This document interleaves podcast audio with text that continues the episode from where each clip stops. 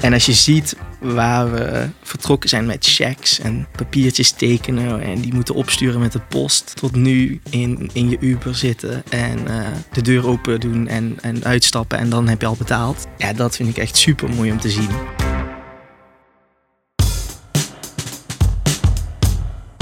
Je luistert naar DNB Talks, een podcast van de Nederlandse Bank. In deze podcast bespreken we actuele financieel-economische vraagstukken met verschillende specialisten van DNB. Leuk dat je luistert naar deze aflevering van DNB Talks. Ik ben Chris Ariens en vandaag zit ik tegenover Evert Vekkes en Timothy Aarts. We gaan het hebben over betalen. Uh, ik ben heel, even heel benieuwd naar jullie. Wie zijn jullie en wat doen jullie bij DNB? Ja, ik ben Evert Vekkes. Ik ben de senior beleidsadviseur voor retail payments en fintech. En uh, ik ben eigenlijk sinds 2016 bij de Nederlandse Bank begonnen. Maar al in 1979 in het vak uh, actief. Eerst in de IT bij een grote bank. En dan later gespecialiseerd in betaalautomaten. En vanaf de jaren 90 met het pinnen uh, bezig geweest. Daarna met, uh, met chipknip, met de invoering van Ideal in 2005. En uiteindelijk ben ik in 2016 met deze pak aan ervaring bij de Nederlandse Bank terechtgekomen. Ja, het klinkt alsof er heel veel stappen, alsof je heel veel van de stappen hebt meegemaakt. Ja, ja, ik heb echt het, het, wat we noemen het, het betalingsverkeer in Nederland. Alle producten die we nu vanzelfsprekend vinden, heb ik mee mogen ontwikkelen. Dat is fantastisch. Nou, ik kan me voorstellen. En jij, Timothy? Uh, ik ben Timothy Aarts. Ik ben ook beleidsmedewerker bij DNB um, uh, en data scientist. Uh, DNB is mijn eerste werkgever. Ik heb data science en engineering gestudeerd aan de TU in Eindhoven. daar deed ik als afstudeeronderzoek onderzoek naar medische beeldenanalyse met kunstmatige intelligentie. bijvoorbeeld de longkankerherkenning. en ik deed altijd als hobby smart contracts programmeren was actief in de mining community van bepaalde crypto's. Wat zijn dat smart contracts? Dat is het, een van de innovaties binnen dus crypto's is dat geld programmeerbaar wordt. Ja, okay, daar was programmeerbaar dan, geld dus. Ja, daar was ik als hobby mee bezig. En een vriend van mij die meldde dat er een, een cryptocurrency opening was bij DNB. Of in ieder geval iemand die iets van blockchain en DLT wist. en daar heb ik op gesolliciteerd. Wat leuk, dus we hebben eigenlijk hier iemand uh, ja, echt een ervaren rot aan tafel zitten. En een starter die nog heel erg fris naar deze ontwikkelingen kijkt. Een oude rot en een jonge god, zeg ik dan. oh, kijk, nou, dat is een hele mooie. We beginnen al goed. Betaling en betaalverkeer heeft, heeft echt wel een enorme sprint genomen, toch? Want in de jaren negentig uh, verbaasden we ons nog over het, het pinnen. Inmiddels betalen we contactloos en via appjes. Ja, het, het grappige is, betalingsverkeer werd altijd een beetje gezien als het loodgieterswerk van het bankwezen de, de infrastructuur. Uh, het was verre van sexy. Uh, nou, vind ik dat toch een moeilijk woord bij betalingsverkeer. Maar tegenwoordig is het daar waar het geld verdiend wordt. Kijk naar de bedrijven die wereldwijd eh, dat soort betalingen verwerken. En daar ja, echt prachtige producten en diensten mee hebben ontwikkeld dat is echt waar de, dynamiek van het bankwezen zit. Ik merkte zelf ook van ja, de banken in Nederland, dat is, dat is een krimpsector geworden. Hè? Je ziet geen kantoren meer. Uh, alles gaat automatisch. Maar de dynamiek in betalen, dat is echt, echt enorm groot. Als je kijkt van hoe is dat nou ontwikkeld. in de jaren 50 je gaat even een korte geschiedenisschets doen nu. Ja. Oh, leuk. In de jaren 50 van de vorige eeuw moet je dan nog zeggen werd er nog geld in loonzakjes betaald. En toen had je de, de postcheck en Giro-dienst, die eigenlijk als staatsbedrijf ging zorgen dat het loon via de Giro betaald kon worden. Je had die overschrijvingskaarten van die pondskaarten, super modern in die tijd, die verwerkt werden. En de eerste plastic betaalpas, de eerste kredietkaart, die is al van 1957 in Amerika. Dat was omdat mensen die gingen ergens dineren voor het werk eh, of dat moest afgerekend worden. En dan werd het visitekaartje achtergelaten. Van ja, stuur de rekening maar naar het bedrijf. Nou, dat werd een beetje geautomatiseerd. Dat visitekaartje werd gestandaardiseerd. En dat is uiteindelijk de Diners Club kaart geworden. Dat bestaat nog wel. En in 1966. dat is eigenlijk de voorloper van wat wij nu als pinpas hebben. Ja, ja de techniek. En als, je, als je kijkt naar je pinpas, dan zie je daar allerlei onderdelen aan. Zeker als je een creditcard neemt. Je ziet er een magneetstrip op zitten aan de achterkant. Die gebruiken we nu niet of nauwelijks meer. Uh, je ziet er een, een, een, nummercode op staan. Eh, die kan je ook nog eens een keer op zo'n oude creditcard eh, op, op een doorslagformuliertje lezen. Dat was de eerste optische verwerking. Eh, de magneetstrip die kwam, dat, kon je het elektronisch mee verwerken. Toen kwamen er ook pincodes bij die mensen konden onthouden. Later kwam de chip op de kaart om het nog veiliger te maken. En nog later kwam er ook een antenne in te zitten, zodat die contactloos ging werken. Als je dan in Nederland kijkt, dan hadden we in 1976 de eerste geldautomaat. Dus de flappetap. Dat was eh, van de gemeente Giro in Amsterdam. Ja. En ja, dat is dus een jaar of 50 eh, ruim nu. Eh, in 1980 Nee, zijn iets minder, een jaar of veertig ruim dan. Ja, we moeten wel goed rekenen. Hè? Ja. Ja. Maar goed, vanaf 1976 die, die eerste geldautomaat. En in 1980 waren we al wel met chipkaarten aan het experimenteren. Eh, maar in 1990 zijn we begonnen met het nationale systeem voor pinnen. En dat is ook het merk geworden, PIN. En nou, vrees, je ziet het nog, hè? het is een werkwoord geworden. Het staat eh, al, ik weet niet hoe lang in de vandalen. Maar het merk pinnen, dat is er niet meer. Want tegenwoordig staat, eh, er staat er geen pin meer op je pasje, maar iets. Ah, dat was echt een merk ook Ja, dus. ja, het zag eruit als een soort ponskaart. Soms zie je die, die, die blauwe logo's nog, nog in winkels hangen.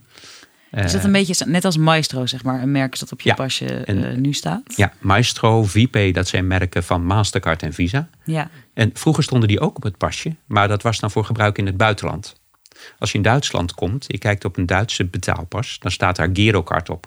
Dat is het Duitse equivalent van wat Ja. wij in Nederland hadden met PIN. Maar toen, ja, toen het meer Europees werd, Dus in Duitsland doen ze ook aan girokarten. Girokarten, nee, dat is geen, Nee, dat is geen, dat is geen nee, werkwoord nee, dat is geen werkwoord Oh, geworden. De Duitsers zijn sowieso veel meer gericht op cash eh, dan, dan de Nederlanders. Ja, leuk. Daar wil ik het zo meteen inderdaad even over hebben, over verschillen in landen. Maar om nog eventjes die geschiedenis af te lopen. Hè? Want op een gegeven moment heb je dus de eerste geldautomaat in 76. Eh, in de jaren 80 de introductie van de chipkaart. Ja, dat was chipkaartproef in Woerden. Ja, jaren 90 dan voor het eerst pinnen. Ja. En, en daarna? Ja, daarna is eigenlijk het pinnen eh, gegroeid. Toen we begonnen in 1990, toen kon je bijvoorbeeld bij een modezaak kon je pinnen. En bij de benzinestations, locaties waar ook veiligheid enorm belangrijk was. Die benzinestations werden om de haverklap overvallen. Eh, dus daar zag je de grootste voordelen. Maar de supermarkten wouden er nog niet echt aan. Het was te duur. In die tijd was eh, de kostprijs van een pinbetaling zeker twee keer zo hoog als van, van contant geld. Dus gemiddelde winkelier dacht, eh, bekijk het maar. En de consument ging ook nog niet zo eh, hard. Die was wel de geldautomaat intussen gewend. Maar we hadden toen ook nog betaalchecks, eurochecks. En eh, die werd nog heel veel gebruikt. En eigenlijk wat typisch is voor Nederland, is dat we eh, een geleidelijk steeds sterkere samenwerking hebben gezien tussen de banken en het winkelbedrijf. De en sinds 2004, 2005, toen begon het pinnen ook in grotere volumes, ook bij supermarkten. Albert Heijn was de eerste die daar eh, de boel eh, meetrok. Eh, maar ja, men begon zich toch een beetje te storen aan de hoge kostprijs. Toen is er een zaak aangespannen tussen, tussen de banken, een mededingingszaak. En dat heeft eigenlijk geleid tot een samenwerkingsverband. En eh, dat is eh, het, het convenant eh, geworden, zoals we dat noemen. Het convenant, de stichting bevorderen, efficiënt betalen. Nou, het poldermodel in optima forma. in Nederland op zijn best. Want Ja. partijen hebben in Nederland gestuurd op lage kosten van betalingsverkeer. Dat betekent dat de tarieven voor pinnen omlaag zijn gegaan. Maar ook dat de kosten die wel degelijk met contant geld samenhangen, om het af te storten, om het te tellen, dat die ook op een zodanige manier onderzocht zijn dat iedereen die resultaten van dat onderzoek ook, eh, ook aannam. Maar grappig wat je zegt, dat er dus eh, zo'n groot bedrijf als Albert Heijn... dan dus eh, daar eigenlijk ook een, een, een sturende factor in is... of een push in is geweest. Ja. Ja, je ziet dat het volume van betalingsverkeer wat bij Albert Heijn speelt enorm is. ja.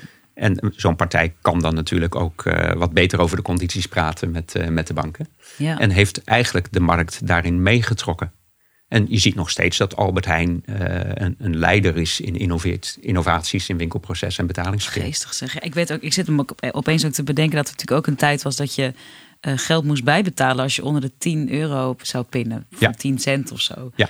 Dat dat inmiddels alweer zo ondenkbaar voor me is. Ja, en dat, is, dat komt ook uit die stichting voor, hè? die Stichting Bevorderen Efficiënt Betalen. Want uiteindelijk heeft dat geleid tot de campagne Klein bedrag pinnen mag. En eh, dat is echt iets van de laatste paar jaar.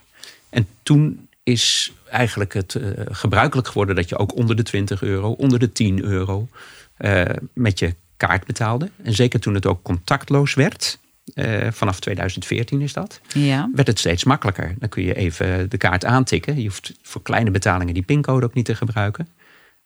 Mensen moeten dat vertrouwen, maar dat is eigenlijk heel snel gegaan. Eh, er was Missen we niet een tussenstap, Evert?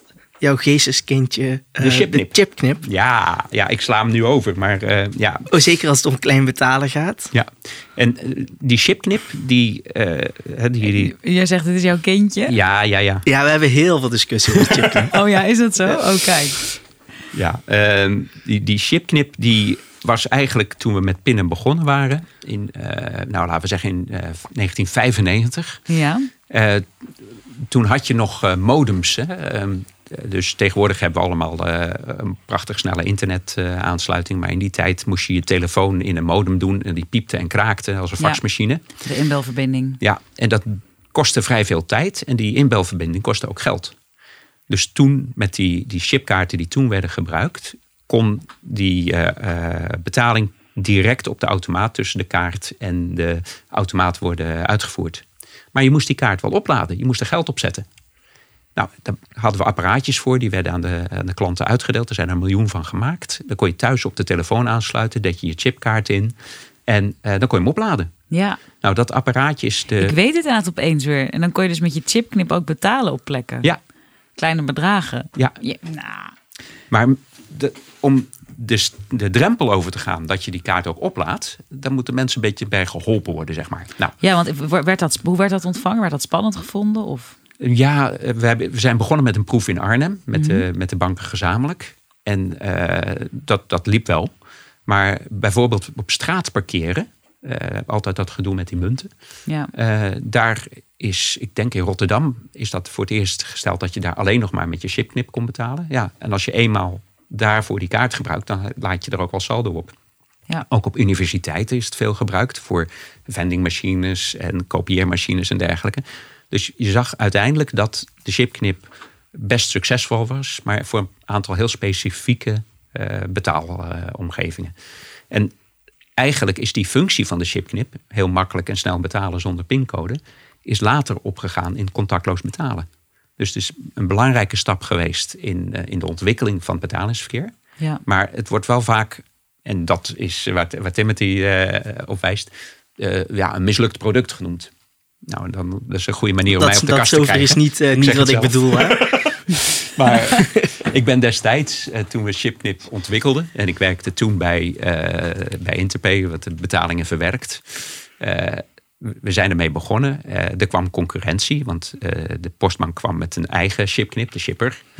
dat, nou, daar had je concurrentie tussen producten die erg op elkaar lijken. En dan zie je dat standaardisatie ontzettend belangrijk is. Dan haakt de consument af. Van, moet ik nou met mijn chipknip betalen, met mijn shipper? Waar ga ik al mijn geld op moeten stoppen? Ja. Dus na een aantal jaar is dat weer bij elkaar gekomen. En dat is, En dat zijn eigenlijk, al deze ontwikkelingen zijn interessant om te bekijken, omdat het heel erg laat zien wat dan, waar we uiteindelijk dan nu staan. Ja, en in- dat, dat niet alleen. Ook in nieuwe technieken wordt er best wel vaak teruggerefereerd. Kan je eens naar- een voorbeeld naar noemen? dingen als de chipknip. Nou, nou, er is een enorme discussie rond eh, central bank digital currency, eh, crypto, eh, crypto's. Ja. En heel vaak is de chipknip een voorbeeld van eh, nou, geld dat op een kaart staat, dat je zo kunt uitgeven eh, tegen zeg maar een bankrekening. Dat is een ander, ander zeg maar, concept. ja, de elektronisch geldinstelling is En- eigenlijk daarmee ontstaan. Pre- Precies, de chipknip is een van de. Nou ja, er zijn, meer, er zijn wel wat voorbeelden, maar de chipknip is echt een voorbeeld dat in productie was. Ja, Dat mensen 15 jaar geweest. gebruikten, eh, waar lessen uitgetrokken zijn. Dus ik, ik doelde daar ook niet op als mislukt proces, maar meer als een. eh, je ziet zelfs nu nog in, Nee, de, nee, in maar- de cutting edge, zeg maar, Ja. wordt er teruggegrepen naar wat hebben we geleerd van dit soort eh, projecten. ja. Het is, En, en eh, als we het dan heel even, we hebben dan die hele geschiedenis nu bekeken. En waar staan we dan nu exact? exact? Ik denk dat als je even de elementen terugpakt als, als leergeld, eh, Ja. dan zie je betalingsverkeer noemen we een tweezijdige markt. Je hebt niks aan geld als je niet aan iemand kan betalen. Uh, dus als je een nieuw betaalproduct uh, uh, introduceert, dan moet je zowel mensen hebben die het kunnen uitgeven als mensen die het kunnen ontvangen. Het betekent ook dat standaardisatie ontzettend belangrijk is. Dat als ik het wil, wil betalen, dat het ook werkt. maar ook dat partijen elkaar in een bedrijfsmodel moeten kunnen vinden. En al dat soort zaken uh, betekent uh, elkaar opzoeken, samenwerken, maar ook voldoen aan mededingingsregels. Uh, dus dat spel met wat voor soort samenwerkingsverbanden heb je nodig, zijn zeker geleerd met dit soort ontwikkelingen. Ja. En jij noemde net ook al eventjes, Timothy, dat, dat er dus inderdaad ook echt wordt teruggekeken naar ja, deze oude technieken. Eigenlijk nu, als het dan bijvoorbeeld gaat over cryptocurrencies, gaan we het straks ook nog eventjes over hebben. maar wat vind jij zelf een van de meest interessante dingen uit die geschiedenis waar je nog steeds naar kijkt? Ja, ja we missen een beetje één woord, denk ik. Uh, maar dat is ook echt een, een, nou, een buzzword, zeg maar. Seamless. Ja. Seamless betalen, dat is echt uh, waar alles nou om draait. Hè. Zo min mogelijk frictie.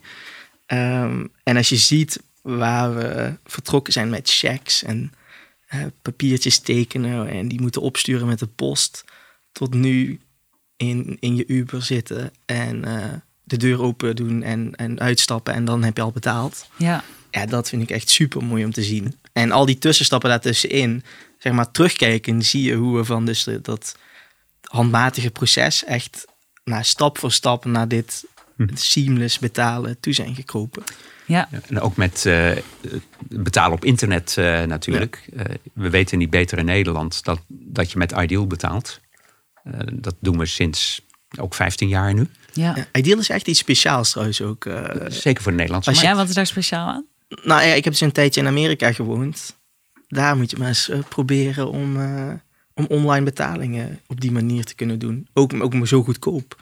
Amerika is super ouderwets ja. met zijn infrastructuur voor betalingsverkeer. Dat is nog helemaal gericht op checks. Precies. Dus je, het ja, verbaast de meeste mensen. Je denkt die creditcard is in Amerika uitgevonden. Ja. Maar uh, het betalingsverkeer daar is verre van efficiënt. Als je kijkt uh, en je vergelijkt dat met Europa. Hoe kan dat dan? Dat, waarom is Europa dan bijvoorbeeld veel sneller daarin? Ja, ze noemen het wel padafhankelijkheid. Als je ergens een bepaald systeem opzet. En dit zijn systemen van banken die decennia oud zijn en een bepaalde verwerkingsmodus hebben. Dan is de, zijn de kosten om dat uh, naar een ander model te gaan heel hoog. En als het ja, product is met weinig marge, dan uh, is de vraag van heb je nou wel voldoende drijfveren om het efficiënter te maken? Als je voldoende geld verdient aan betalingsverkeer, mm -hmm. dan maakt het niet uit of het niet efficiënt is. En daar zit zeker het verschil met het Nederlandse model. Hè, waar we zeggen we willen de maatschappelijke kosten zo laag mogelijk houden. En we sturen dus niet op maximum opbrengst, maar we sturen op laagste kosten. Dan heb je ook een grotere efficiency drive. Ja, want wat is de reden om maatschappelijke kosten zo laag mogelijk te houden? Ik denk dat dat voor een deel met het Nederlandse poldermodel uh, samenhangt. Dus de, uh, we hebben ook het maatschappelijk overleg betalingsverkeer in Nederland. Wat door de Nederlandse bank wordt voortgezeten, uh, voorgezeten. En waar we de verschillende belanghebbenden bij het betalingsverkeer aan tafel hebben. Zowel winkelbedrijven als consumenten. Als mensen die minder makkelijk betalen door bijvoorbeeld doordat je blind bent of iets dergelijks. Alle belanghebbenden komen aan, uh, aan tafel. En dat is typisch een Nederlands uh, ja, poldermodel. En zorgt dat ook voor meer uh, stabiliteit? Absoluut. In de geldmarkt, ja. Nou, niet zozeer in de geldmarkt, maar als we kijken naar betalingsverkeer, wat ook typisch is in de Nederlandse regelgeving, is dat we daar regels ook over beschikbaarheid hebben. En de sta stabiliteit van het betalingsverkeer is ook echt een taak van de Nederlandse bank. Ja, want ik ben inderdaad, ik, ik, ik kende uh, voordat ik deze podcast ging maken, de DNB met name als hey, die drukt onze bankbiljetten. Um, wat, wat is de rol van DNB uh, in het Nederlands betalingsverkeer? Ja, we, we zijn nou, we kunnen worden aangesproken uh, volgens de bankwet voor de financiële stabiliteit en duurzame welvaart in Nederland. En uh, een robuust betalingsverkeer is daar een belangrijk onderdeel van. En dat zie je ook vooral bij de afdeling waar Timothy en ik werken. dat noemen we dan de, de centrale bankzijde. daar wordt ook het betalingsverkeer tussen banken afgewikkeld. dat systeem heet Target. en dat, maar dat, dat zijn hele grote verrekeningen tussen banken. Als je kijkt naar wat we de, de retailbetalingen noemen, die worden afgewikkeld door de banken en door bedrijven zoals Equens. Uh, dat is geen rol die de Nederlandse bank doet, maar daar nemen we de de rol van katalysator in. Dus we kijken of de samenwerking tussen partijen voldoende goed is. Of er bij innovaties ook voldoende aan de belangen van anderen, zoals de consumenten, wordt gedacht. En dat doen we heel veel in het eh, maatschappelijk overleg betalingsverkeer. En dat betekent ook dat de, de tarieven voor betalingsverkeer in Nederland, die zijn echt, nou, die horen tot de laagste in Europa. En veel mensen realiseren zich dit ook niet, hè? Dat Nee, dit- ik, ik ben er ook best wel eh, verbaasd over. Nu ik me dat besef. Want ik vind het inderdaad al bijna eh, duur. Als je een paar euro per maand denk je, waarom betaal je dat eigenlijk aan je bank? Nou, het is misschien een beetje een, een, een rare anekdote, maar bijvoorbeeld, eh, ik had een Amerikaanse rekening, waar als je minder dan 1500 dollar op enig moment op je rekening hebt, begin je 12 dollar maintenance fee te betalen. Voor elke overboeking naar het buitenland was er ook een surcharge. Voor alles zat er, eh, zaten er kosten en best wel fikse kosten. Rood, rood Ja, staan, rood staan payment is fees. enorm duur natuurlijk. Ja. Ehm, En dan, dan, als je dat ziet, dan besef je pas hoe, eh, hoe goed Nederland zijn zaakjes op orde heeft eh, voor- qua betalingsverkeer. Ik denk dat Ja. er binnen Europa hebben we nu natuurlijk ook met het eh, wat we noemen SEPA, de Single Euro Payment Area. Je, je kunt heel makkelijk en binnen een dag betalen en geld overmaken binnen Europa. Ja, Eh, met instant payments gebeurt dat zelfs direct. Nou, dat is niet te vergelijken met een overboeking in Amerika. Dat, eh, dat, dat kan dagen duren. Daar zie je wel natuurlijk ook dat de challengers meer tractie kregen. Ja. PayPal, PayPal, een partij als Square, Venmo. precies. Dat ja dus die zorgen er dan, omdat die natuurlijk wel sneller werken. Ja. Dus dan, grappig. Maar, maar die concurrentie eigenlijk van zoiets als PayPal zorgt er dan dus niet voor dat ze het systeem eh, gaan versnellen. Nou, dat is niet helemaal waar. Er is nou, eh, hoe heet het ook alweer? Je hebt fast Venmo. payments nu. Hm? Venmo. Heb je. Venmo, ja. Van, ik geloof Bank of America is het, hè? Ja, het is denk ik een groot samenwerkingsscheme geworden. Eh, maar wat je in Nederland ziet is, eh, met Ideal kun je bij praktisch alle banken, in ieder geval alle banken die veel consumenten hebben, kun je met Ideal eh, betalen. Ja, Eh Tikkie, wat door ABN AMRO is opgezet, werkt op basis van Ideal. Eh, dus het feit dat jij meteen ziet dat iemand ook aan jou betaald heeft, komt doordat bij Ideal er een bevestiging van de betaling bij zit. Ja, Als we even een stap achteruit maken. Als je een overboeking inlevert bij de bank. Dat gebeurde ooit met een formuliertje. En eh, dat stopt hij in de brievenbus. En eh, ook als je met internetbankieren eh, op de pc een betaling indient. Dan krijg je een antwoord terug. En dat is, uw opdracht is ontvangen. Dat wil niet zeggen dat je betaald hebt. Nee. Nee, hij ligt op de stapel. Dat is batchverwerking, zoals we dat noemen. En eh, die systemen zijn ook zo ingericht. Eh, vroeger ging dat op een tape, die werd ingelezen. En dat zijn dus processen die eh, per keer een, een paar honderdduizend betalingen verwerken. En dat gaat gedurende de dag een aantal keer door. Elke half uur ging er zo'n stapel doorheen. Maar als jij in een winkel betaalt, dan vindt de winkelier het wel fijn dat hij weet dat het ook betaald is of minimaal Voordat jij de- gegarandeerd is. voordat jij de deur uitloopt. Ja, Voordat je met de boter de, de zaak verlaat, zeg maar. ja.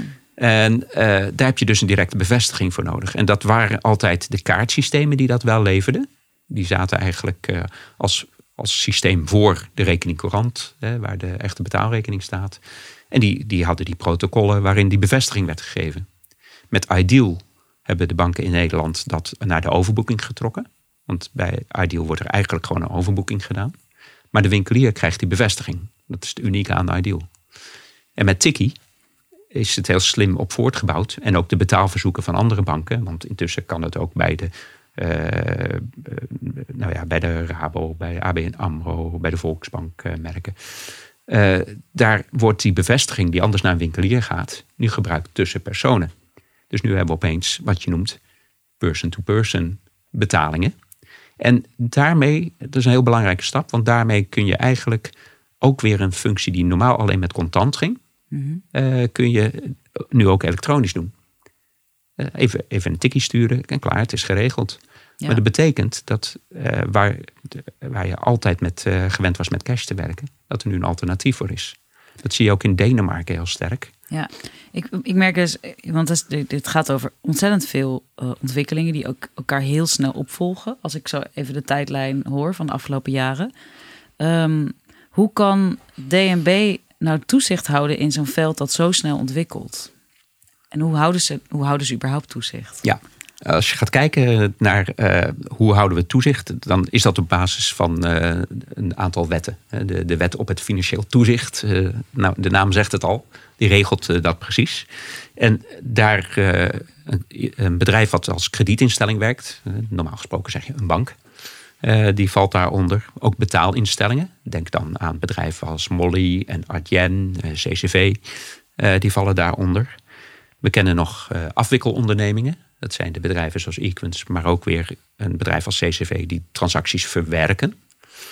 En, maar ook de telecombedrijven, maar die laatste die vallen niet onder toezicht van DNB, maar eh, het agentschap Telecom. Dus dat is wettelijk geregeld. In die wetten staat precies uitgespeld waar die uh, instellingen aan moeten voldoen. Dat hm. kan uh, fit en proper voor de bestuurders zijn. Hè, dus die worden getoetst op uh, of het directieteam uh, voldoende ja, divers is in, in de ervaringen, voldoende kennis heeft. Het mm kijkt naar de organisatie, het kijkt naar cyberveiligheid. het kijkt naar de kapitalisering. Van, is zo'n instelling afhankelijk van de soort dienst die ze doen? hebben ze voldoende buffers?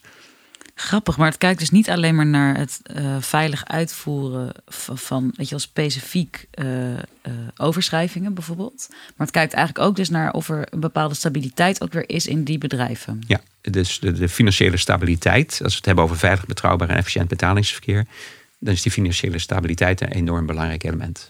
Ja. En dan maken we eigenlijk onderscheid in toezicht, dat noemen we dan prudentieel toezicht wat uh, naar de zaken kijkt uh, waar ik het eerder over had. Maar ook oversight. Dan kijken we naar meer de werking van de systemen. En zeg de betrouwbare processen en ook de beschikbaarheid. In Nederland, en dat is uniek in de wereld, hebben we wettelijke eisen aan de beschikbaarheid voor pinnen en voor Ideal. Dat moet in overal in 99,88% van de tijd beschikbaar zijn een beetje raar getal. Eh, mhm. Maar eh, dat betekent dat ook de tijden dat systemen eh, niet beschikbaar zijn omdat er onderhoud is, daar, daar ook al van afgetrokken zijn. Dat wil zeggen dus dat je erop moet rekenen dat je praktisch altijd met je PIN kan betalen, met, met een ideal betaling kan, kan werken. En dat is een, een echt typisch Nederlandse regel die je ook in Europa niet als zodanig tegenkomt. Denken jullie dat, dat uh, contant geld helemaal gaat verdwijnen? Ik wou net al zeggen, het is mooi dat, uh, dat seamless betalen, dat is een heel ding. Uh, maar er was, was een onderzoek laatst zelfs vanuit de afdeling van Evert, geloof ik, over de, het omslagpunt waar een, de oudere generatie liever cash heeft mm en cash niet wil uitgeven cash uitgeven deed zeg maar een beetje pijn voor, voor die generatie. Betaalpijn noemen we dat. Uh, ja. En uh, nou, de generatie dan waar ik in zit, die heeft precies het omgekeerde. Waar wordt aangegeven dat cash makkelijk uitgegeven is, maar waar het getal op de bankrekening ja. ertoe doet. Dus um, je ziet echt een enorme omslag tussen de generaties van cash naar digitaal en giraal geld. Ik ben, ik ben met cash bijvoorbeeld ook altijd bang dat ik het kwijtraak. Maar met mijn bankpas ben ik daar niet zo bang voor. Maar als, als, jij, dus... als, als jij 20 euro in je portemonnee hebt, welk gevoel heb jij daar dan bij? Ja, dat is, het gevoel dat ik erbij heb is, nou, is handig voor als er, voor als er een situatie is waarbij ik mijn pinpas niet kan gebruiken. Ja. Wat je veel hoort is ook, uh, nou, weet je, dat geld kan ik verbrassen. Dat is, uh, als ik ben de kroeg, kan ik daar een biertje van kopen, want dit heb ik over. Maar, oh, grappig. Uh, dat, en er zit een half limiet op cash. Hè. Als het briefje weg is, is het briefje weg. Ja. Oh. Maar het verschil zit, en daar raken we ook weer een beetje van uh, die, die, die rol en wat doet DNB naar de consument. Mm -hmm. uh, het Nibud is daar natuurlijk ook een heel belangrijke partij in. Nou, als je nou niet zoveel te besteden hebt, hoe, hoe budgeteer je dan? En cash wordt daar eigenlijk nog steeds heel veel voor aangeraden. Maar wat je met dit soort nieuwe betaalapps, en als je kijkt van wat kan er met PSD 2, uh, dan kun je ook met inzicht in je rekening, uh, dus die huishoudboekjes, uh, kun je dat beter bewaken. Een leuk voorbeeld is Buddy. Dat is een, een, mhm. nieuwe dienst en die is voor schuldhulpverlening. Als jij in, de, in de problemen komt, dan gaat de officiële schuldhulpverlening pas van start als je een schuld hebt van, ik meen 40.000 euro. Nou, dan zit je behoorlijk in de ellende. Ja. om het veel eerder te gaan doen, moet je in veel meer gevallen kunnen bijsturen, kunnen adviseren. En ja, die bemiddelingskosten waren altijd te hoog. Wat Buddy nou doet, is in samenwerking met een heel aantal gemeentes hebben ze pilots opgezet. Als jij in een situatie komt dat je daar ondersteuning bij wil hebben, een coach, dan eh, geef je toestemming aan Buddy om in jouw rekening te kijken. En Buddy kan daarmee helpen jouw betaalgedrag te analyseren. En zo'n schuldhulpverlener kan dus al veel eerder eh, gaan helpen met eh, ja, je, je besteding ja, te analyseren. En waarom is zoiets voor DNB interessant? Als je dan gaat kijken naar ja, de maatschappelijke functie van betalingsverkeer, financiële stabiliteit. Het is niet per se het eerste DNB-onderwerp. Maar als we het hebben over toegankelijkheid betalingsverkeer. Als je kijkt naar eh, in hoeverre speelt contant geld nog een rol. En voor welke functies wordt het gebruikt, dan is het superbelangrijk. Als, als je alleen maar kan budgetteren met contant geld, dat betekent dat we nog veel voorzichtiger moeten zijn met naar meer elektronisch gaan. Want dan worden bevolkingsgroepen uitgesloten. Ja. ja, want eh, Timothy, ik vond het leuk wat jij net al even noemde. ehm, hoe jij cash, zeg maar, ziet. Ehm, had je daar, eh, is jouw visie op cash veranderd sinds je bij DNB werkt? Eh, 100 procent. Ja? Ja. Eh, vanuit natuurlijk een hele digitale omgeving komende. Ik, ik heb bijvoorbeeld ook gestudeerd aan, eh, eh, in Eindhoven aan de TU. Waar een hoop eh, programmeurs eh, allemaal dingen in elkaar zetten. Al, het is een hele zeg maar, peergroep van mensen die alles digitaal doen. Eh, ja, en ik dacht vaak, ja, cash. Ja, waar, waarom? We, hebben, we kunnen real-time snel betalen overal. Waarom zouden we cash nodig hebben? Ehm, maar sinds ik bij DNB zit... eh, en hè, als je dus ook de diepte in moet duiken... Nou, je ziet bijvoorbeeld die hele keten ook eh, dan voor het eerst. Je ziet wat men, eh, de hele bevolkingsgroep, hoe betalen voor hun werkt. Eh, dan begint je mening langzaam te shiften. En zeker met betrekking tot eh, privacy is mijn mening eh, redelijk positief ten opzichte van cash geworden. Wat maakt dat eens concreter? Ehm, nou, er gaat natuurlijk heel veel data door, eh, door de banksystemen. Eh, bijvoorbeeld PC2 is ook weer een, een voorbeeld van eh, concurrentie op dat datagebied mogelijk maken. Ja. En banken weten in principe best wel veel van je. En ik kan me voorstellen dat er betalingen zijn die mensen niet willen delen met anderen.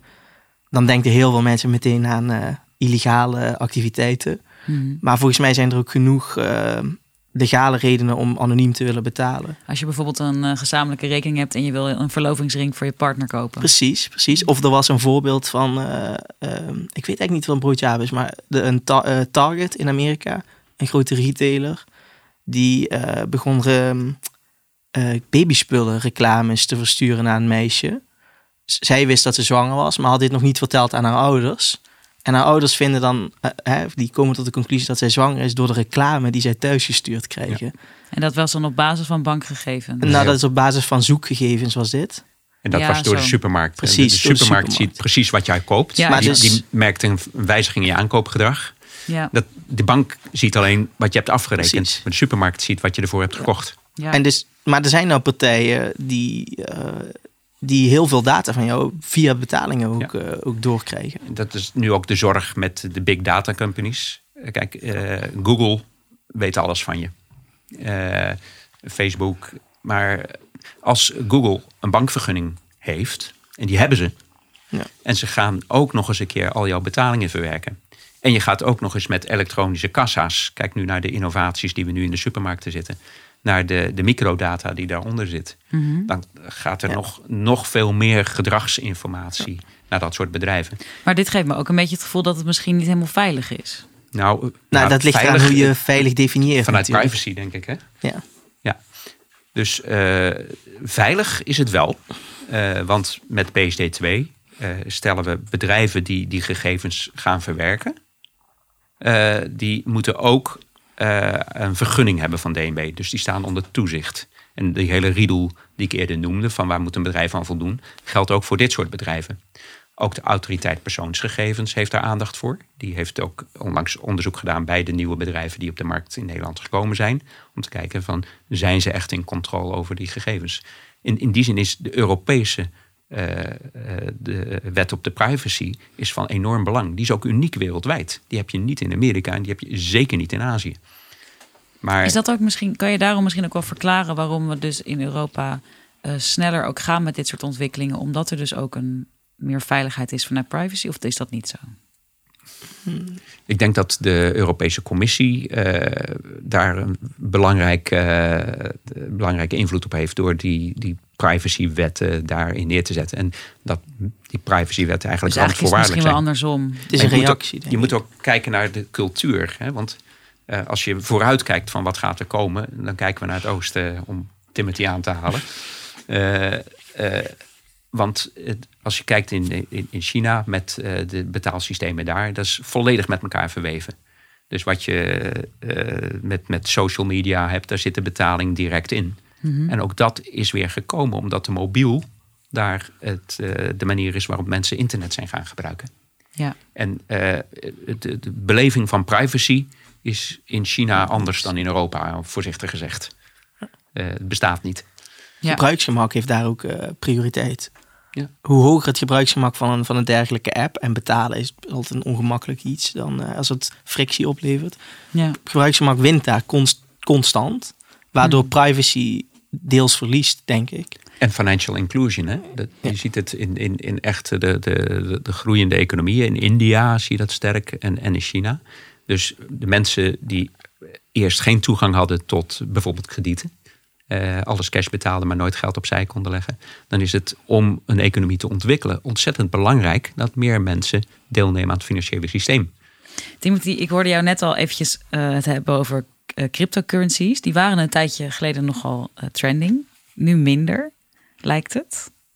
Nou, ja, laten ze weer een beetje op, op het komen. Hè? Ja? De- ja, volgens mij is de trend eh, hard gecorreleerd met de prijs van bitcoin. Dus boven de 8000 eh, ja, euro dan, dan, dan zie je de Google searches ook weer stijgen. Maar zijn, eh, zijn bitcoins, zijn die bijvoorbeeld risicovol voor een consument? Ja, dat lijkt me redelijk vanzelfsprekend. Ja. Zijn enorm risicovol. De, de prijsfluctuaties die, eh, ja, die lopen in de, in, de, in de double digits. Eh, dus het is een hele risicovolle investering. Het is niet transparant, waardoor die prijs veroorzaakt wordt. Enorm veel marktmanipulatie ook. Daar, daar, blijft ook, daar zie je ook veel onderzoek naar. Ik geloof dat de prijs van 100 tot 1000 dollar eh, volgens, volgens een van de papers kon toegeschreven worden aan twee handelsalgoritmes. Die tegen elkaar eh, de prijs op en drijven waren. Kijk, dat zijn natuurlijk allemaal dingen die ik persoonlijk niet graag met mijn, eh, mijn geld zie gebeuren. Nee. Dat daar zo'n invloed op is. Maar kan, want, want jij bent natuurlijk iemand die hier heel veel van weet. Als in jij begrijpt er ook echt waar je naar kijkt. Eh, niet iedere consument zal dat hebben op het moment dat je bijvoorbeeld naar bitcoins kijkt. Daar kunnen misschien ook andere dingen heel aantrekkelijk aan zijn. Kan DNB zoiets als crypto's verbieden? Ehm, dat is een hele moeilijke vraag. En om eerlijk te zijn is dat denk ik een betere vraag van toezichthouder. Mijn persoonlijke visie zou zijn nee. Nee, De, de crypto zelf niet, want een crypto is geen geld. Precies. En we, we noemen het crypto's kort en geen cryptocurrency, wat het eigenlijk is. Ja. Eh, maar ze, eh, ze zijn geen geld. Het is geen goed oppotmiddel, want het is veel te fluctuerend. Het is niet goed inwisselbaar in winkels, omdat er heel weinig bitcoin betaalautomaten zijn. Dus het, eh, daarmee is het geen geld en plaatsen we het eigenlijk buiten ons toezicht. En ook buiten het toezicht op beleggingen van de AFM. Wat wel zo is, en dat is een recente ontwikkeling, is de poortwachtersfunctie. Omdat het wel als, eh, als, als, als ruilmiddel gebruikt wordt, betekent dat je het vanuit eh, anti-witwasregelingen goed wil bewaken. En daarmee zijn bedrijven die omwisselfuncties aanbieden, wallets eh, zo gezegd voor, eh, voor crypto's, die staan nu wel onder toezicht. Die moeten zich registreren bij de Nederlandse bank. Alleen, alleen wallets die wel jouw, eh, jouw keys beheren. Niet elke wallet staat onder toezicht. Dat Nee. is ook denk ik Nee, belangrijk. te dus met centraal uitgevoerde, Precies. gehoste wallets. En dat is nieuw. En daarmee zie je dus dat de eerste regelgeving op crypto's plaats heeft. Maar puur vanuit de, de wet tegen het witwassen. Grappig. de fiat kant van het crypto, crypto verhaal, die zit onder toezicht eigenlijk. Het omwissel, het kunnen omwisselen en het kunnen beheren van crypto. Ja, dus de fiat kant moet je misschien even uitleggen. ja, ja, maar ja, dat- fiat is gewoon euro's, Ja. dollars. Het, het tra- traditionele centrale bank. Het en omzetten naar geld. wat we echt geld noemen. Ja, precies. Ja, zowel giraal als gartaal. Ja. Hey, een, tij- een tijdje geleden kwam er in het nieuws dat DNB een eigen cryptomunt aan het ontwikkelen is. Eh, wat is de status van die DNB-coin? Ehm, nou, er zijn ik denk dat de DNB-coin is nog iets, eh, iets heel anders. De DNB-coin, uh, nou, het ligt eraan of je daar central bank digital currency mee bedoelt, of het oude uh, Ducaton-project. Ehm, het, het Ducaton-project is even kort in de media geweest. Maar is, dat was vooral, denk ik, experimenteel onderzoek van onderzoekers binnen onze afdeling. Nou, hoe werkt dit ding nou? Hoe, hè? hoe mhm. werken die protocollen? Wat zit er allemaal onder de motorkap? Ehm, dus dat, dat, uh, dat gaat niet echt een DNB-coin worden. Dat mm. is echt uh, om lessen uit te trekken. En wat voor lessen haal je daar dan bijvoorbeeld uit? Um, nou ja, daar zijn, daar zijn wat dingen over. Doorloopsnelheden en zo. Bekend over worden. Capaciteitseisen, dat soort gedoe. Um, het was ook... het, is, het heeft ook gediend als handvat om om medewerkers binnen DNB te laten zien van wat doet dit nou? Ja. Um, we hebben het over bijvoorbeeld walletadressen. Uh, iedereen heeft het over de wallet. En dan is er, uh, ik zit best wel veel met toezichthouders nou, die, die dit toezicht gaan doen. En die hebben het altijd over, uh, de wallet is een soort van bankrekening. Totdat je ze laat inzien dat, nou, het, ik, ik, ik zeg dit, ik heb gisteren toevallig in een training dit nog gezegd. Ik kan niet bij ING binnenlopen en vragen, doe mij 10 miljard rekeningen alsjeblieft. Terwijl bij Bitcoin een script schrijven dat mij 10 miljard adressen maakt, dat is kinderspel. Ja. Um, dus er, er zit een, mensen proberen dit te relateren aan, uh, aan de oude wereld. En dat mm. kan deels ook. Maar ergens moet wel de nuance goed gelegd worden. Wat het verschil nou is. En wat is die nuance dan? Wat is nou, bijvoorbeeld 10 miljard adressen maken, dat kan niet. Eh, maar ook ja. de pseudo-anonimiteit van cryptocurrency of crypto's, dat is een ding. Um, maar ook het begrijpen wat eh, zeg, een, een, specifieke currency zoals Bitcoin is. En uh, de onderliggende laag in techniek. Ja. Distributed ledger uh, technology. Mm -hmm. al, die, al die lagen moeten in de organisatie goed, goed begrepen worden. Ja. En daarvoor was dat, dat Ducaton-project denk ik instrumenteel. Precies. En die moeten ook goed begrepen worden vanwege de veiligheid dus. nou, ja, of dat niet alleen? Ik denk dat het dus maar hier, hier kun je ook wel mooi de splits maken tussen de toezichttak en de centrale bank van DNB. Mm Toezicht is geïnteresseerd dus in de partijen oh, hè, om toezicht te houden, om te zien wat gebeurt er met, binnen dit soort systemen, hoe kunnen we hier iets van maken. Um, ik denk dat we vanuit de centrale bank ook heel uh, enthousiast kijken naar deze ontwikkelingen en proberen in te schatten waar is de onderliggende techniek een voordeel? Hoe hoe zou dit toegepast kunnen worden in bestaande processen of in nieuwe processen, zodat hier binnen Nederland zeg maar een, een, een, een voordeelslag uh, gehaald wordt. Zoals dat eigenlijk ook met die chipknip uh, uh, nog steeds naar wordt gekeken? Nou ja, dit, dit specifiek, hè, dus central bank digital currency en crypto's, daar wordt heel vaak de, de vergelijking met chipknip gemaakt, omdat er dus een bepaalde. Het is een soort van geld aantoonder op een of andere manier. Bij die chipknip, als ik het pasje heb, dan had ik geld, hè, het geld dat daarop staat. En uh, bij Bitcoin, als ik de private key heb, nou, als ik de private key handtekening kan tonen, dan is dat geld van mij. Dus dat, dat is een vergelijk dat heel vaak uh, gemaakt wordt. Een heel belangrijke opmerking die je daar maakt. Want geld aantoonder mm -hmm. kun je met elektronisch geld anoniem betalen. We hadden het over het belang van anonimiteit. Dat is een grote ja. waarde. Met je wel een beetje kan borgen dat het geld niet in allerlei uh, obscure zaken uh, en counter-terrorist financing uh, en dergelijke een rol speelt. Maar om dat met privacy te doen, dan zou je dus een betaling aan toonderen moeten kunnen hebben. En dat, zijn, dat is een belangrijk ontwerpcriterium bij het ontwikkelen van centrale digitale bankgeld. Ja. Ja, hoe dat uiteindelijk echt geïmplementeerd wordt, dat is de vraag. Maar er wordt in ieder geval heel diep over nagedacht over hoe dit eruit moet zien. Ja. Bij Chipnip was er gewoon een centraal systeem. Dat draaide bij Interpay en elke betaling ging daar doorheen. Maar dat kwam Interpay niet uit. Dus die transacties waren anoniem. En uh, die gegevens die werden alleen gebruikt om te kijken of er het geld wat werd uitgegeven ook inderdaad geldig was. Of er geen fraude in het systeem was. Uh, niet ergens een hek was gedaan. Maar die, die gegevens waar je op zich heel veel kon uitlezen, dat mocht niet. Dat, is, dat was nog lang voordat de, de AVG eh, de privacywet er was, was dit al in de, in de contracten met de banken zo geregeld. Dit, dit is wel mooi. Dit is ook een punt waar veel discussie over kan ontstaan. In het vergelijk met chipknip. Uh, Evert noemt hier de centrale uh, check eigenlijk. Ja. Of, of de betaling kan en klopt. Um, en, en veel mensen die aan chipknip refereren, die beseffen zich dan niet dat dat uh, mogelijk Hè, dat dat ook achter dit systeem zat. Dus soms is de vergelijking oneerlijk, maar vaak, vaak geldt die wel. Het, is, het gaat ook om efficiëntie. Als jij een, een systeem op basis van Bitcoin-technologie neerzet, waar uh, de volledig gedistribueerde verwerking, dus uh, een heleboel verschillende partijen kunnen die transacties verwerken, dat is, uh, dat is robuust aan de ene kant, maar super inefficiënt. omdat om die transacties te bewijzen, hele rekenintensieve algoritmes worden gebruikt, bewust. Maar daar kun je geen miljoenen transacties mee verwerken. Uh, wil je efficiënt transacties verwerken, en dan hebben we het over nou ja, miljarden per jaar in Nederland, dan heb je dus ook gewoon efficiënte rekensystemen nodig.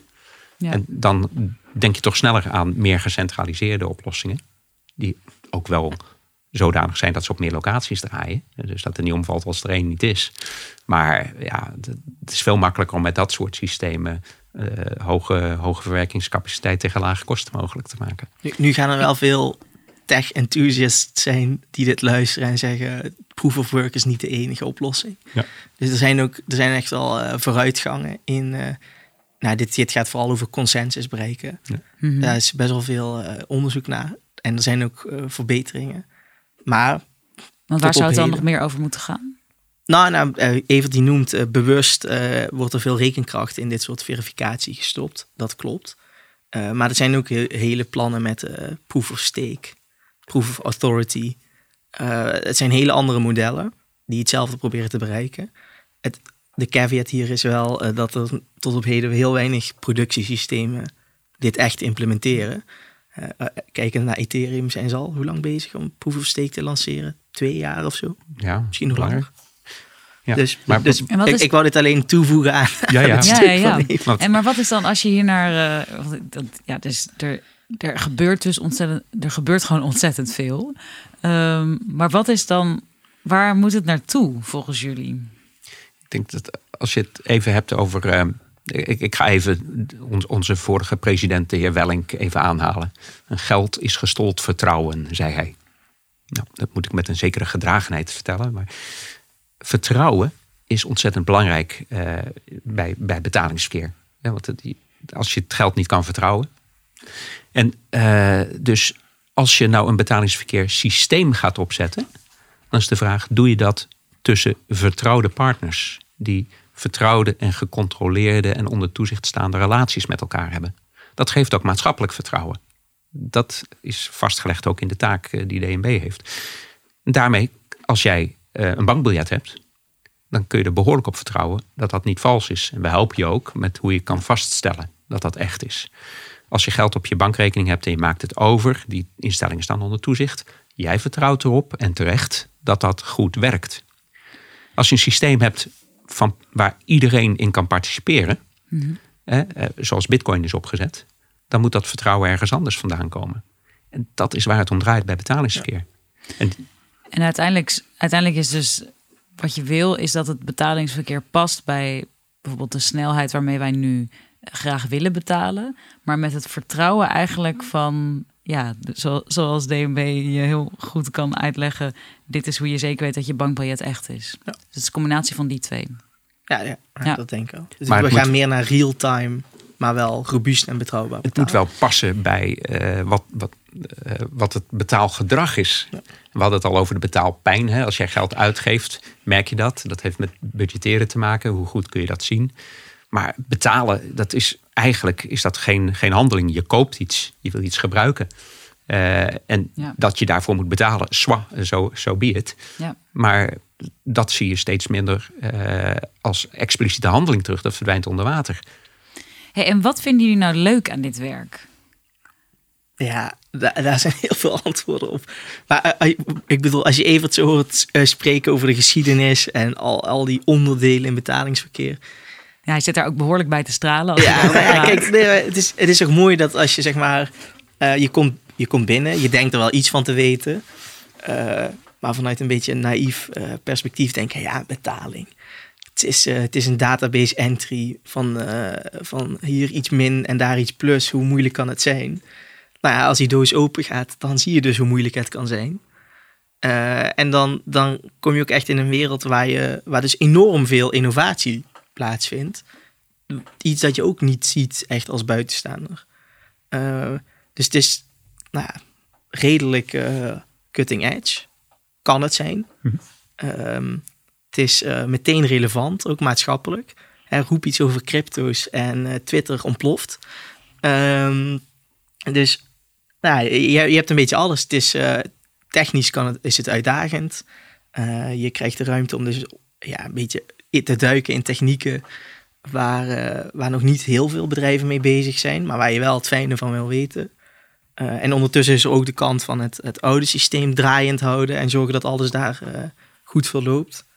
Dus ik, ja, ik, ik vind het heel mooi. Ja. Het is gewoon echt Want als een jij nou op een gegeven moment dan een heel mooi nieuw, met, met het team zeg maar, een heel mooi nieuw systeem eigenlijk bedenkt, is het dan ook zo dat ik het zo moet zien dat DNB dus dan, dat dan vervolgens ja, naar, naar partners toeschrijft of zo? Of hoe, als Nou, in, wat, zit je, wat zit je eigenlijk te doen de hele dag? dat is een mooie vraag. Eh, het, is, het is ook niet per se zo dat wij systemen zitten te bedenken. Ehm, je ziet in, de, in zeg maar de markt bepaalde dingen omhoog komen. Uh, nou, crypto's kwamen op, Ethereum kwam op. Dat is, een, dat is denk ik een belangrijk kantelpunt geweest. Uh, smart contracts en geld dat programmeerbaar is. En um, toen kwamen er allemaal bedrijven die daarop aan begonnen te haken van misschien zit hier wel iets in. En op het moment dat dat gebeurt, dan zul je als DNB zijnde mee moeten. Je zult uh, moeten aanhaken en begrijpen hoe werken deze systemen, wat doen ze, wat verandert er. Hoe verandert onze taak dan mogelijk? Hè? Wat, hoe moeten wij hierop anticiperen? Ja. Maar het is niet alsof wij... Uh, en eigenlijk, uh, eigenlijk, moet je dan dus ook kijken van hey, het, het, het, het, landschap verandert. Hoe ga je dan uiteindelijk dus... Je moet het echt begrijpen. En daarna moet je dus weer gaan kijken hoe ga je hier dan toezicht op houden. Ophouden. Ja, uh, of, of als, er dan, als je dan een, een iets dieper begrip hebt... dan kun je eens gaan nadenken... hoe zouden de processen hiermee geoptimaliseerd kunnen worden. Het begint eigenlijk met de vraag van... als er een innovatie is, is dat een risico voor de financiële stabiliteit? Ja. Want we zijn in eerste instantie gericht om de financiële, stabiliteit uh, te bevorderen. Uh, dus daar wil je eerst een begrip voor hebben. Ja. Maar ik denk dat nu met uh, digitaal centrale ja. bankgeld we weer staan voor een, een volgende golf van, van innovaties. Dat is super interessant. Nou, daar zie je dus dat in, inderdaad het digitale stabiliteitsaspect, nou, daar, daar hè, er komt nou toezicht op bepaalde cryptos en dat soort dingen ja, ik denk dat we Facebook hier ook even in uh, kunnen noemen. Mm. Libra ja. komt op. Mm -hmm. Ineens is er heel veel interesse weer voor decentrale, hè, voor DLT, Decentralized Ledger Technology. Um, en zie je dat er een push is binnen de centrale bankengemeenschap om ook een, uh, een, een, nieuw type geld te lanceren met de nieuwe mogelijkheden. En dan ga je dus een beetje dat financiële stabiliteit aspect zit er altijd in. En dat zal ook denk ik, uh, dat is nodig, dat moet ook. Maar er zit nou ook een beetje innovatie weer. Uh, innovatiedrang in. Van. Weet je. Want het zou dus wel kunnen dat op een gegeven moment de Nederlandse bank zegt: hé, hey, uh, naast bankbiljetten hebben wij nu inderdaad ook een, een andere vorm van geld die wel heel Dat- stabiel is. Die, Nou, dat, dat zit er denk ik zeker in. Het is alleen, het is niet de Nederlandse bank per se. Dit is een Europees iets dat is natuurlijk. gewoon alle centrale Het banken. in Europese Het is. Europees ja. geregeld. Ja. Ehm, maar DNB loopt wel. eh, nou, we zijn met best wel wat ambitieuze uh, techneuten. Ja, we proberen Je, vooraan in je het wilde programma te eigenlijk lopen. voorop zeggen, maar je Ja. durft het niet helemaal. Hè? Nou, Nou ja, nou ja, ik, ik, ik, eh, voorop, dat klinkt zo, ja, voorop wie en op wat. Maar ik, laat ik zo zeggen, eh, er zijn genoeg mensen met, eh, die eh, affiniteit hebben met dit soort technologie. En eh, er is heel veel kennis van hoe zijn we hier gekomen met Evert.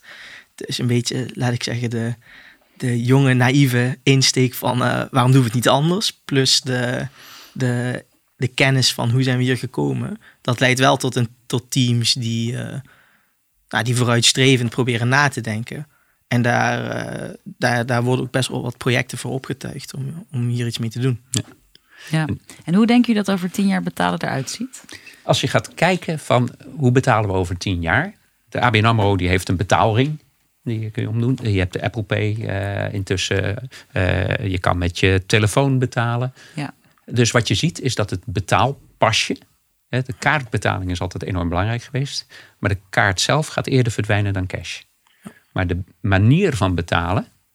eh, die zie je. Dus je ziet eigenlijk je, je bankrekening in apparaatjes verdwijnen. Eh, Internet of Things eh, is dan de, de, de leuke term daarbij. Uh, maar dat betekent dat het ook makkelijker wordt om die betaling als deel van een andere handeling te doen. We hadden het over betalen bij Uber. Uh, als ik nou bij de kroeg ben, dan tik ik even met mijn telefoon uh, op de betaalautomaat en het is geregeld. Dat kun je ook met het bestellen van je rondje of wat dan ook meteen samen doen. Ja. Dus die integratie, het, het seamless betalen, dat wordt ontzettend belangrijk. Uh, kijken wat je kan doen met de gegevens daarvan, ook in budgetbeheer, is, is, is enorm belangrijk. En het feit dat met instant payments, wat we nu in Nederland vorig jaar hebben ingevoerd, maar wat in Europa nog, uh, nog lang niet door alle banken wordt gebruikt. Als jij geld kan overmaken, wat, wat we in Nederland met producten zoals Tikkie en betaalverzoek kennen, dat, dat gaan we in de komende jaren breder door Europa zien. Ik denk in de komende vijf jaar. En de vijf jaar daarna vind ik al lastiger om te voorspellen. Ja. Waarom is die wens er eigenlijk voor, of, om seamless te betalen? Nou, betalen als een handeling, daar zitten denk ik heel weinig mensen op te wachten. Ja. Jij, jij wil iets van een product of een service afnemen. Het is gewoon puur dat ongemak waar we het eerder ja. over hadden. Dat, en, en, dat... en voor de verkopende partij is het natuurlijk een potentieel punt waar je afhaakt. Ja. He, dat, zelfs al met die kaart moeten tikken, dat kan een uh, ja. kan frictie opleveren. Nou, zeker bij, bij aankopen op internet, ja. als dat heel lastig gaat. We zijn bezig, uh, dat is ook een deel van PSD2, de veiligheid te bevorderen. In Nederland met Ideal weet je dat je uh, die transactie op een veilige manier moet ondertekenen. Dat gebeurde vaak met die, met die rekenmachientjes, ja. die calculators. dat gebeurt tegenwoordig meestal met je mobiel. Dat is al een stuk makkelijker, maar dat is frictie. En wij zijn in Nederland al 15 jaar gewend dat, dat veiligheid wel een handeling vraagt. Uh, in andere landen wordt daar nog met passwords gewerkt. En nou, de fraude is daar uh, vele malen hoger dan in ja. Nederland. Dus als je die, die frictie kan terugbrengen met je telefoon, met je, met je vingerafdruk of met een Face ID, dan uh, is het wel veilig, maar het kost geen moeite. En dan hebben we van twee kanten. We hebben gemak en we hebben veiligheid. En je kan dus iets kopen uh, je hoeft geen extra moeite te doen, dus je haakt niet af. Dus de winkelier verliest geen omzet. Dat is wat we willen bereiken in de komende jaren. Ja, dit klinkt als toekomst. Ja, volgens mij is dat is nooit een free lunch. Dus er zal altijd, uh, bijvoorbeeld op veiligheid, zal altijd een, een onderzoekstopic blijven. Wat en, mensen zoeken ook wel frictie. Een consument wil ook de betaalhandeling in die zin uh, wel bewust ervaren. Ja, anders dan, wordt, dan, kan je echt zonder na te denken, dan wordt een, wordt, wordt een impulsaankoop nog makkelijker ja, gedaan. Ja, dus dat, dat is een beetje waar, waar we moeten gaan kijken waar de balans uit gaat komen. Ja. Ik ben heel benieuwd waar het heen gaat met betalen in de toekomst. Ja, dat zijn we denk ik allemaal. Maar of we het nog als betalen gaan zien, dat is, uh, dat is de grote vraag. Spannend. Bedankt voor het luisteren naar DNB Talks. Heb je vragen of wil je reageren op de podcast? Neem dan contact met ons op via dnbtalks.dnb.nl.